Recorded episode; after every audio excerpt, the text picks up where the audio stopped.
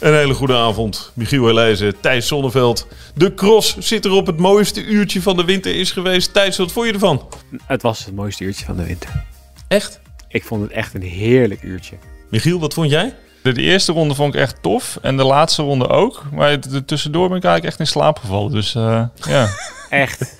ik wil dat jullie je nu uit deze podcast eclipseren. Wegwezen. Verdwijnen.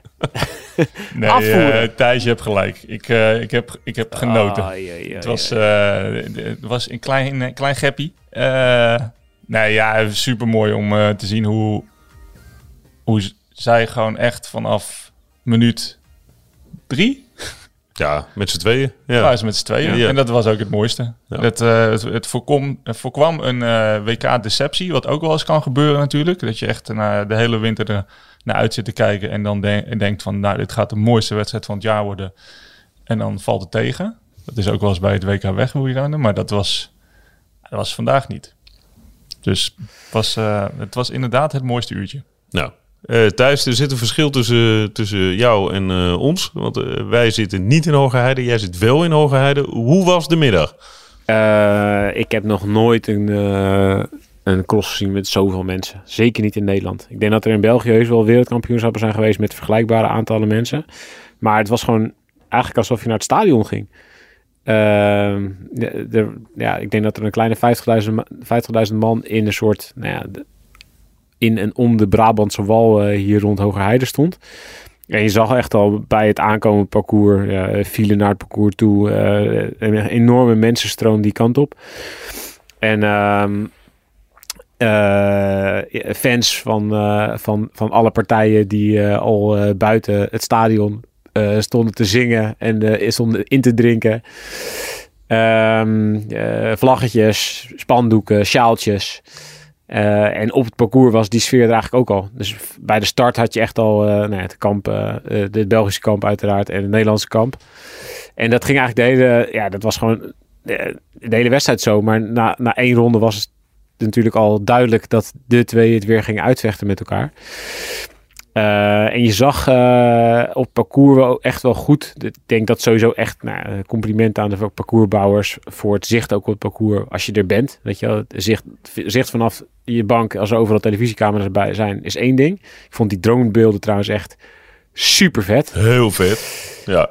Maar ja, maar ook als je daar was en je stond op de goede plek, dan kon je ze dus echt gewoon om je heen eh, gewoon zes, zeven keer per ronde langs zien komen. En dan zag je ook wel echt goed eh, de plekken waar vooral Van de Poel probeerde om Van Aert onder druk te zetten.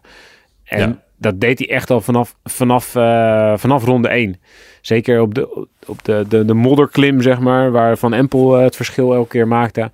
En op de balkjes zag je dat Van de Poel elke keer vol aanging. En dat was gewoon elke keer een soort, soort sprint naar boven. En daar zag je al wel dat Van der Poel echt eh, flink in orde was. Dat hij hele goede benen had. En dat hij dus niet, eh, waar, waar, waar wij het van tevoren over hebben gehad, één ronde hard en daarna in het wiel gaan zitten en proberen zo- zoveel mogelijk te sparen. Nee. Volgens mij had hij ja, veel en veel betere benen dan de rest van het jaar. En was hij gewoon aan het koersen zoals Van der Poel eigenlijk wil koersen. Namelijk gewoon wedstrijd in handen nemen en de rest onder druk zetten en, eh, en het nooit meer uit handen geven. He- heeft dat van aard verrast ook? Ja, nou, het was echt. Ik heb net nog, ik kom net uit de mixzone lopen. Eh, daar eh, heb ik allebei eh, gehoord wat ze overal zeiden. En eigenlijk, het van, van aard denk wat hij ook al aangaf de, na afloop was dat hij echt onder de indruk was van Van der Poel de eerste paar ronden. Van de zei eigenlijk, ja, ik zat op de limiet. Tegelijkertijd zei Van der Poel, ja, ik heb geprobeerd om de wedstrijd zo hard mogelijk te maken, maar ik had niet het idee dat ik hem kon lossen. Nou, dat bleek ook wel. En ik denk ook wel dat je dat terugzag. Nou, zeker als je nu die wedstrijd terug afspeelt in je hoofd. Dat die eerste helft, dat je echt wel zag dat Van der Poel daar de betere was. En dat hij continu van aard onder druk aan het zetten was.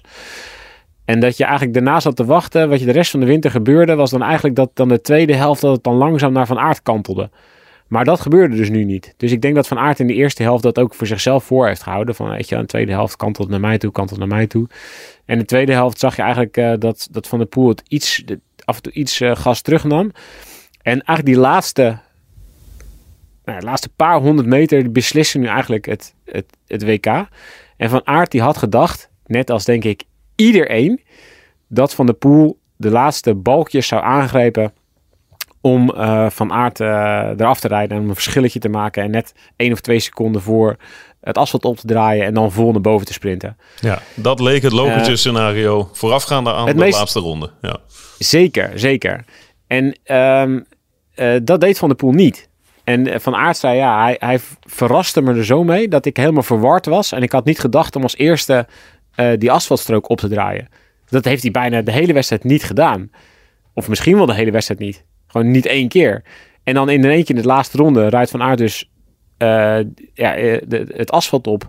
Met nog, uh, zeg maar nog 250 meter omhoog naar de finish. En daar zegt Van Aert dus eigenlijk... Ja, ik had gewoon die hele situatie niet verwacht. Dus hij had hem gewoon niet in zijn hoofd als mogelijk scenario. En dan zie je dus op dat moment zit er een soort hapering bij Van Aert. En Van der Poel die gaat gewoon... Ja, die gaat eigenlijk gewoon meteen vanaf de voet aan. En Van Aert zit niet meteen in het wiel. En daar is de koers eigenlijk voor Van Aert meteen al verloren. Wat heel gek is eigenlijk. Want ja, als je weet dat het... Uh, Theo Bos die stuurde een appje naar ons... dat de sprint 12 seconden was. Ja. Nou, dat is ook niet, niet, niet bijster lang of zo.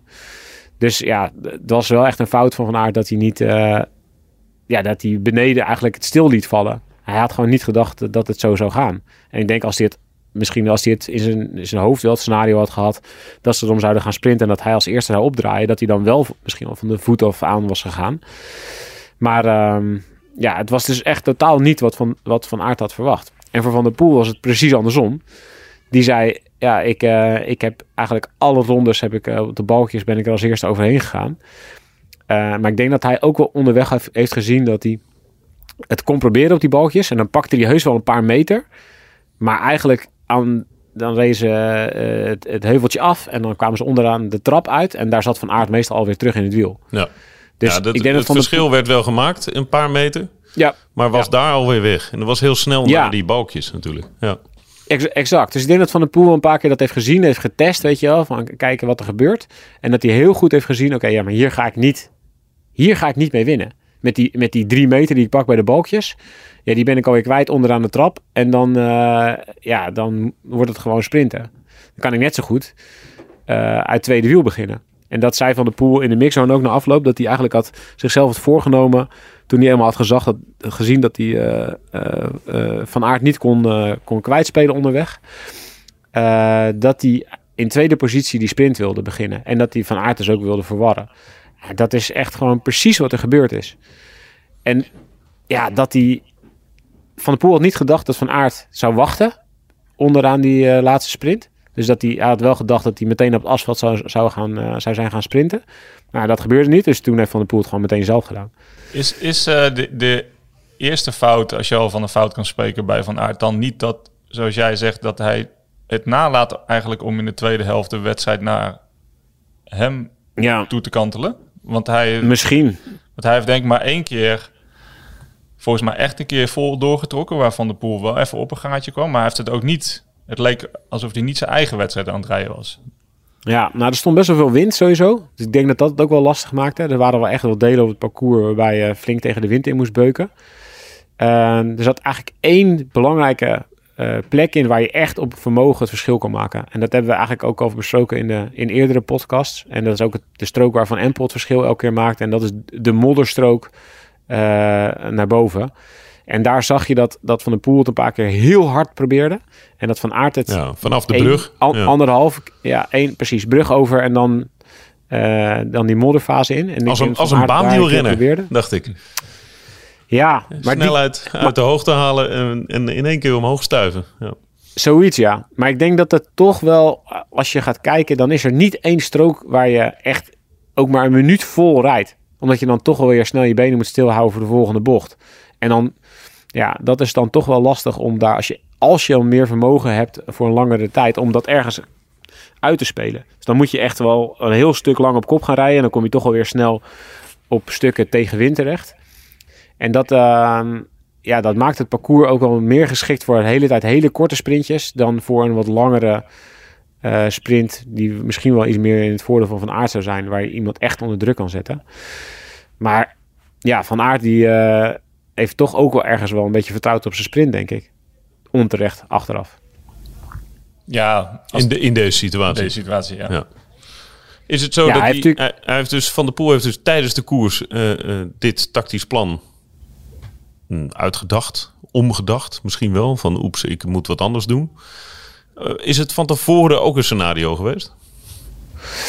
Nou, ik denk, kijk, je je weet natuurlijk van tevoren niet precies hoe de verhoudingen zijn. Maar dit, we hebben het ook eh, in, die, in die voorbeschouwingspodcast hier over de karakters gehad, weet je, van Van de Poel en van Van Aert. Dus dat Van Aert gestructureerder is en georganiseerder en welke voordelen vooral dat met, met zich meebrengt. En toen hebben we ook heel eventjes aangestipt dat Van de Poel eh, meer hoge pieken en diepe dalen heeft, maar ook creatiever is. Ja. En ik denk dat dit wel echt een voorbeeld is van, van ook, ook van een soort van creatief improvisatietalent. Het is nu, het is toch wel echt heel verrassend wat hij doet. Maar in ziet het dat hij begin dus toch al? Ja, zeker. Dat is al verrassend. Iedereen denkt, hij gaat niet, ja, hij, hij bewaart een, een, zoveel mogelijk energie voor de laatste ronde en gaat dan een keer. Dat doet hij niet en hij zet meteen vanaf het begin druk. Je denkt ook van zo'n sprint. Ja, we hebben bijvoorbeeld de sprint van de Ronde van Vlaanderen gezien. Hebben, is het echt tot uit en treurig geanalyseerd dat Van der Poel meer baat heeft bij een korte sprint en Van, van Aert meer baat heeft bij een lange sprint. Ja. En wat gebeurt hij? er vandaag? Ja. Van der Poel gaat gewoon van zo ver aan als hij aan kan gaan. Ja. Ja, dat soort dingen. Dat maakt hem natuurlijk ook voor, voor tegenstanders volkomen onvoorspelbaar. ja, hij gaat wel aan op het moment dat de snelheid het laagst is van dat hele asfaltstuk. Ja, Vlak na de bocht maar- is de laagste snelheid. Daar zie je natuurlijk wel, dat is het punt waar hij echt beter is dan Van Aert de afgelopen ja, maar, dat is, Ja. maar dat is wel ook een stukje waar het nog niet het meeste oploopt. Dus, ja, hij kan ook wachten tot het stijlste stukje en eh, nog heel even achter van aard blijven. Ja, het Sinkeldam moment. Precies. Ja, tijdens het NK Dus- dat hij hem eh, opzij duwt. Ja. Ja, en ook dat hij dus niet aanvalt op die laatste balkjes. Want iedereen dus, die denkt dus, oké, nou, we gaan we naar die laatste balken toe. En Van Aert zit dus, die, denkt ook, weet je, nou komt het, nou komt het, nou komt het, nou komt het. Niks. ja. Dat is natuurlijk ook hij, is echt... dan, hij is net iets meer een killer dan, hè? In dat soort situaties. Waar, waar, Hij is- waar het inderdaad Ja. onverwachts is. Of Ja. we inderdaad wat, wat meer van de creativiteit moet hebben... is Van de Poel natuurlijk gewoon net iets meer een killer dan Van Aert. Ja, dat denk, dat, dat denk ik toch, dat blijft er toch wel in zitten. Ik denk dat Van der Poel in zijn, wedstrijd, in zijn leven heeft ook gewoon meer wedstrijden gewonnen. Gewoon als je het bij eh, de- gaat terugbekijken ook van eh, belofte, junioren, nieuwelingen. Ja, eh, als je op, op YouTube gaat zoeken naar dikke bandenrace eh Mathieu van der Poel, dan kom je al een, race tegen waarbij die eh, een dikke bandenrace rond het finale dikke bandenrace van de Rabobank eh, Cup, geloof ik, ergens rond het stadion van VVV of weet ik veel wat, dat hij daar al wint. Nou hoe oud is die dan? Tien of zo, of negen. Dus die jongen is, is zijn hele leven gewend om wedstrijden af te maken. En Van Aert ook, maar ik, denk Van de Poel nog steeds meer. En dat hij toch nog steeds een, een extra trucendoos, een extra laagje in zijn trucendoos, of een extra, extra laadje in zijn trucendoos heeft om even open te trekken op dit soort momenten. Nou, op zich, als je dit afzet tegen het speelse en het gestructureerde... waar we het natuurlijk over hebben gehad... als je, als je gewoon speels bent, heb je natuurlijk gewoon... je kan je makkelijker aanpassen. Dus het is ook wel echt... Ja, hij, daar kan hij ook echt meer op vertrouwen, volgens mij. Daar vertrouwt hij dan ook op. Dat hij inderdaad gewoon... Hij had, volgens mij had hij nog zes scenario's kunnen verzinnen. Het is niet één... één eh, hij, hij wordt niet zo snel verrast door, door een scenario. Of door een situatie. En dat, Nee. dat maakt hem inderdaad, wat Thijs zegt, dat maakt hem zo onvoorspelbaar. Maar dat, dat, dat heeft hij natuurlijk altijd. Ik bedoel, daarom gaat hij ook op 80 kilometer van de meet aanvallen in Kuurne, Brussel, Kuurne. Waarin iedereen Ja. denkt van, ja, eh, ho- hoezo, wat gaat hij doen? Eh, ja. En dan denken ze ook, nou ja, laat hem maar rijden, want dat haalt hij niet. En ja, iedereen vergist zich er altijd in hoe, ehm, sowieso hoe sterk die is. Maar dat weet denk ik iedereen. Maar hoe ontzettend slim en... ehm, Onvoorspelbaar. ja, En- En, en, en inderdaad dat speelse wat hij heeft. Ja. Maar werd jij niet verrast door hem vandaag? ja, maar dat is natuurlijk wel het mooie aan Van de Poel. Dat je, ja, we kunnen het natuurlijk tijdens de megalomane voorbeschouwing van alles zeggen over Van de Poel. Ja, hij is wat minder dan Van de Aard. En dan vandaag, ja, dan bewijst hij toch weer een tegendeel. Dus met, je weet het gewoon nooit met hem. Wat het natuurlijk met terugwerkende kracht ook hoor je... eh, KUT maakt voor ons op het moment dat je een podcast opneemt. en van allerlei dingen wil gaan verzinnen waarom die Ja. wel of niet gaat winnen. Maar uiteindelijk, ja, ja, dit is natuurlijk wel de kracht van de pool. Ik sta erachter wat we zeggen tijdens de voorbeschouwing. Alleen in zo'n situatie, als hij gewoon moet putten uit... Oh, wacht even. Nou, laat me even iets anders verzinnen, weet je. Oh ja, ja natuurlijk denk Van Aert dat ik op de laatste balken ga. Ja, weet je, dan ga ik gewoon iets anders doen. Ja, dat is natuurlijk zijn grote kracht. Terwijl ik denk als Van Aert dan een plannetje heeft, dan houdt hij zich eraan. En dat, ja. eh, dat is misschien het gestructureerde waar we het natuurlijk over hadden tijdens de voorbeschouwing. Het, ja. het heeft allebei zijn voordelen en allebei zijn nadelen. Ja, ja. Um, ik vroeg het direct na afloop aan jou, uh, Michiel. Vraag het nu ook aan Thijs. Wat betekent deze, Thijs, voor Van der Poel? Um, nou, ik, denk toch stiekem best wel veel. Je zag ook de, de ontlading na afloop en, en de, de, de glimlach waarmee hij rondliep uh, in de, ja, achter de schermen. Ja, die was echt niet van zijn gezicht uh, te hakken met een uh, betonboor. Um, ik denk dat hij de hele winter het gevoel heeft gehad dat hij achter de feiten aanliep. En dat hij niet op, zijn, niet op zijn niveau was. En dat Van Aert beter was. En dat hij gedwongen werd om uh, de wedstrijd van Van Aert elke keer te rijden. En dat hij foutjes maakte. Uh, ik denk dat hij er best wel van baalde dat het niet helemaal ging zoals, zoals hij wilde. Um, maar de hele winter heeft hij gezegd: het gaat mij maar om één wedstrijd. En als je dan die ene wedstrijd wint, ja, dan maakt de hele rest van de winter geen ene reet meer uit. Dan, dan blijft het nog altijd dat hij wedstrijden heeft verloren van Van Aert. Maar ja, allebei wisten ze dat het deze winter maar om één wedstrijd ging. En dat was vandaag. Daarom is het ook het mooiste uurtje van de winter. De, de, rest is van de hele winter. Ja, was ja, ja, alleen maar aanloop en voorspel. ja, dus dus ja, ik denk dat dit toch wel een hele belangrijke was om, om ook weer terug te slaan. Weet je, als, stel dat het niet was gelukt vandaag. Stel dat er weer, stel dat er iets was misgegaan. Stel, hij had uh, een verkeerde bandenkeuze gedaan. Of hij uh, wat een foutje gemaakt in de laatste ronde. Of was, had probeerd aan te vallen op de balken en dan was onderuit gegaan. Of, het maakt niet uit wat. Als er gewoon een klein dingetje was misgegaan, dan was het weer. Er is weer wat met Mathieu van der Poel. Na het plankje en hotelgate en oh, de, nu dit weer, weet je wel. De rug, weet je. Dan, dan is het ook een soort opeenstapeling van, van dingetjes die misgaan. Dus ik denk ook wel dat het in die zin ook wel gewoon af en toe moet je als zo'n grote kampioen met zulke grote ambities, moet je ook uh, die ambities waarmaken en moet je je grootste tegenstander ook gewoon verslaan. Want anders wordt het al, dan kom je terecht in een negatieve spiraal van oh, het er is weer wat en het lukte weer niet. Dus ja, wij, wij, uh, wij beschrijven Van Aert en Van de Poel vaak als twee boxers die tegenover elkaar in de ring staan en die elkaar maar klappen bij, blijven uitdelen zonder dat er eentje knock-out gaat. Maar als Van Aert deze weer had uitgedeeld aan Van de Poel, ja, dan had hij wel flink in de touw gehangen. En dan is, zou Van Aert wel echt de bovenliggende partij zijn geweest.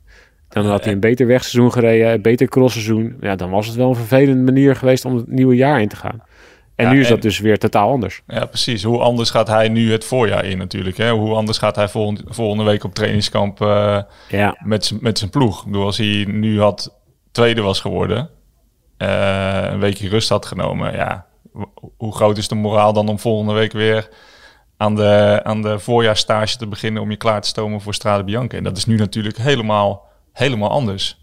Dus dat is natuurlijk wel, ja, dat, dat gaat hem wel even Gaat hem wel even een boost geven. Ja, maar het is helemaal anders. Hij is... Nou, ook hij wordt van zo'n overwinning op zo'n moment dus nog 20 centimeter groter, zeg maar, bij de start van Strade straks. Ja, ja nou, zeker na het, het kostseizoen wat hij nou heeft gehad natuurlijk. En, nogmaals, het is helemaal het niet overwinnen van de ellende, zeg maar. Dus ja, ja, kijk, relatief ellende, ja, inderdaad, relatief ellende. Ik bedoel, hij is, hij wint vier crossen. Ja, ja, hij, wint er, uh, hij wint er een hoop en wordt voor de rest tweede. Maar ja, dit, is, dit zijn voor... voor ja, als jij uh, het niveau van de pool van aard hebt, dan zijn dit de kersen op de taart. En dan kunnen ze allebei zeggen, ja, het voegt niks meer toe. Maar het staat toch wel lekker als je weer wereldkampioen bent geworden op je palmares. Maar ja, de manier waarop hij nu het voorseizoen ingaat, is natuurlijk, ja, wat, wat Thijs zegt, of hij hangt in het touwen, of hij staat nu gewoon met die, met die grote riem om zijn, uh, om zijn middel uh, als, als overwinnaar eigenlijk te, te juichen. Dus ja, ik denk dat het hem zeker een boost geeft ondanks dat het Mathieu van der Poel is en ondanks dat hij al honderden wedstrijden heeft gewonnen. Ja, dit ja, kan me niet voorstellen dat het hem niks zou doen als hij niet zou winnen. Nee. Maar, Ik maar vond ook dat het weer in de sprintje ja. gebeurt, is toch ook wel belangrijk. Weet je? Dat sprintje, dat gaan we nog, gaan we nog weet ik hoe vaak zien. Weet je? Want dat Ja. hebben we gezien in de Ronde van Vlaanderen. We hebben afgelopen crossseizoen een paar gezien. En je zag eigenlijk dat, ja, dat Van Aert eh, in, in dat afgelopen crossseizoen won die gewoon eigenlijk die sprintjes elke keer. Ja, behalve een been niet door, maar dat was niet een echte sprint. Dat was meer een soort eh, Formule 1 inhaalactie en dan kon Ja. Van Aert er niet meer langs. Positioneringswedstrijd. Ja, precies, precies. En, en nu is het toch weer anders, weet je. Dan gaat het er weer echt om. Eh, dan is het niet een wereldbeker cross, maar ja, nu is het gewoon één tegen één sprint om de wereldtitel. En dan wint Van de Poel. Ik denk dat dat ook wel weer een belangrijke is, ook voor het komende wegseizoen. Want ja, weet je, voor hetzelfde geld eindigt de Ronde van Vlaanderen of Parijs-Roubaix ook weer gewoon in een één tegen één duel. Dat neemt toch wel weer... Het- je gaat, als ze, als ze naar zo'n sprint gaan, gaan ze allerlei scenario's gaan ze weer af. Gaan ze weer allemaal wedstrijden eh, halen ze weer terug uit het verleden. En je wilt gewoon dat je tegenstander onzeker is. En niet dat hij gewoon super zeker naar die sprint is en, en rustig en kalm en, en veel zelfvertrouwen he- heeft. Je wilt dat je tegenstander dan denkt, ja fuck, weet je, hoe ging het vorige keer? De korte sprint verloor ik, de lange sprint die verloor ik ook. Eh, dat wil je. Ja, ja. Welke Ja, keuze toch? blijft er nog over? Ja, ja. Ja. ja, ja.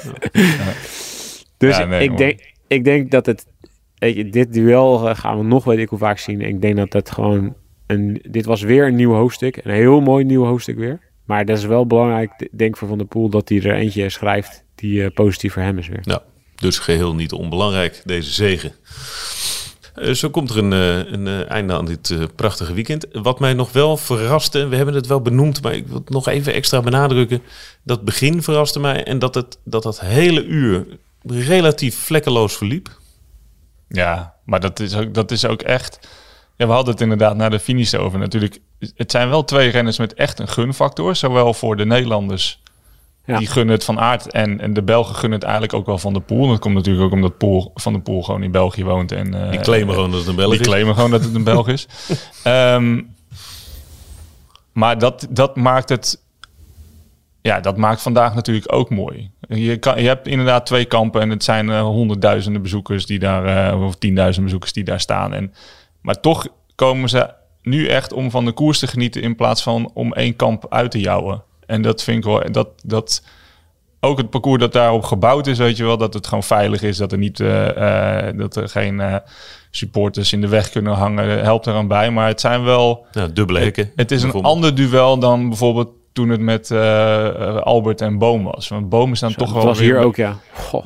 Boom is dan weer een beetje een ettertje, weet je wel. En dan is het makkelijk voor de Belgen om die te haten. En, dan, eh, en de Nederlanders die vinden dan eh, Albert weer een, eh, weer een zeikert. Dus dan is het... Maar dat, hebben, ze- dat heb je natuurlijk niet met Van Aert en Van de Poel.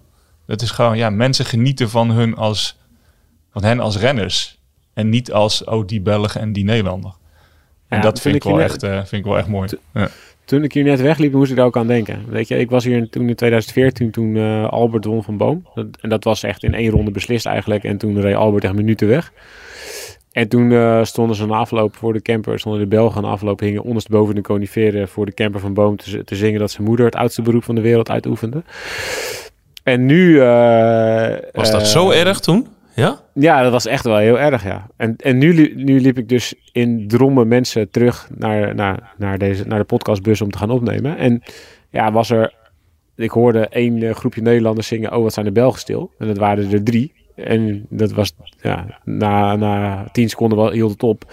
En alle Belgen... Ja, die- er waren een hoop mensen, denk ik, die wat teleurgesteld eh, naar huis gingen. Maar ik heb geen onvertogen woord gezien. Maar ik denk dat het wel echt ook waar is wat Michiel zegt. Dat het ook gewoon te maken heeft met het parcours.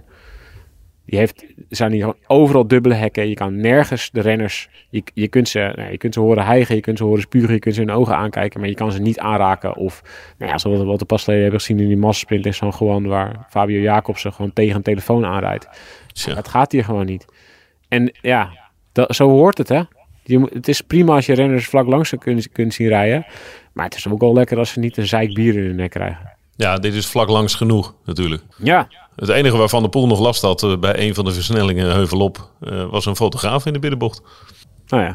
Met, met een hele lange lens. Ja, die, Ja. die moeten dan ook nog een klein stapje naar achter en dan is het geregeld. Ja. ja. Ik wil wel even compliment geven aan de Nederlandse ploeg. ja.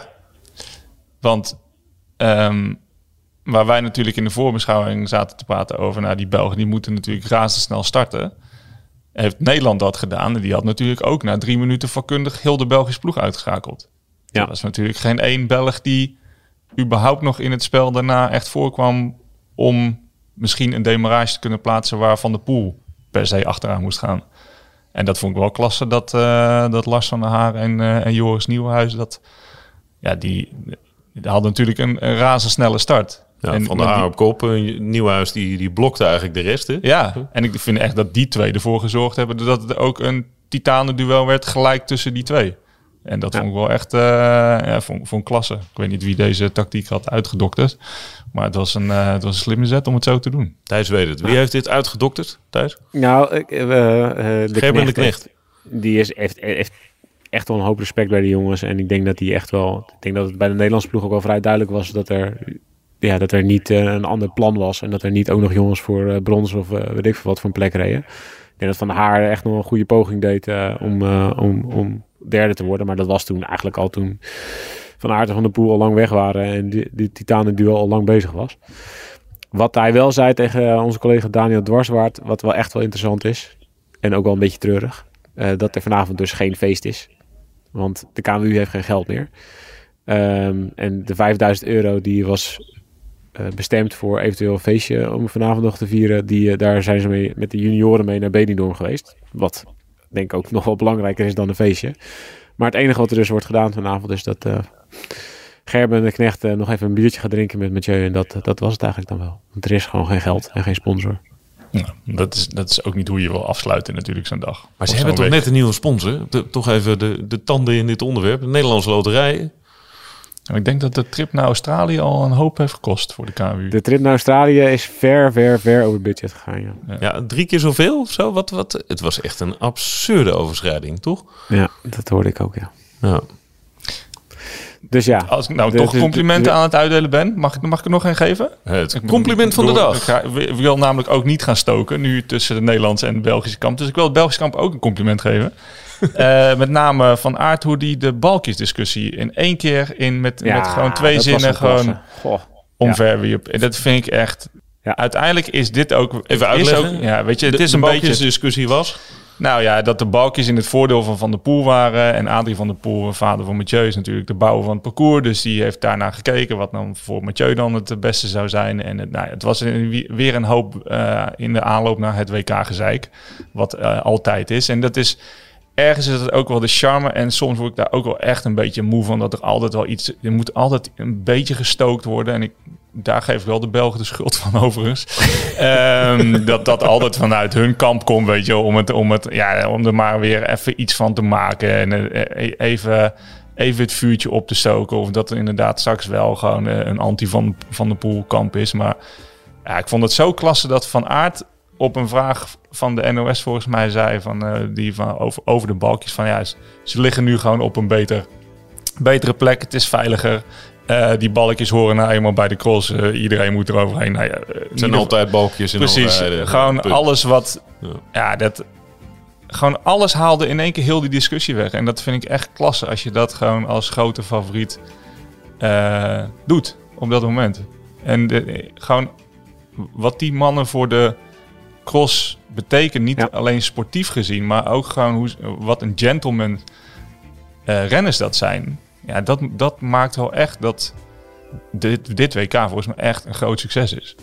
En dat vind ik wel echt, eh, daar, moet, daar moet ik Wout van Aert ook echt een compliment voor geven. Amen. Goed, beschouwen we dit als slotwoord.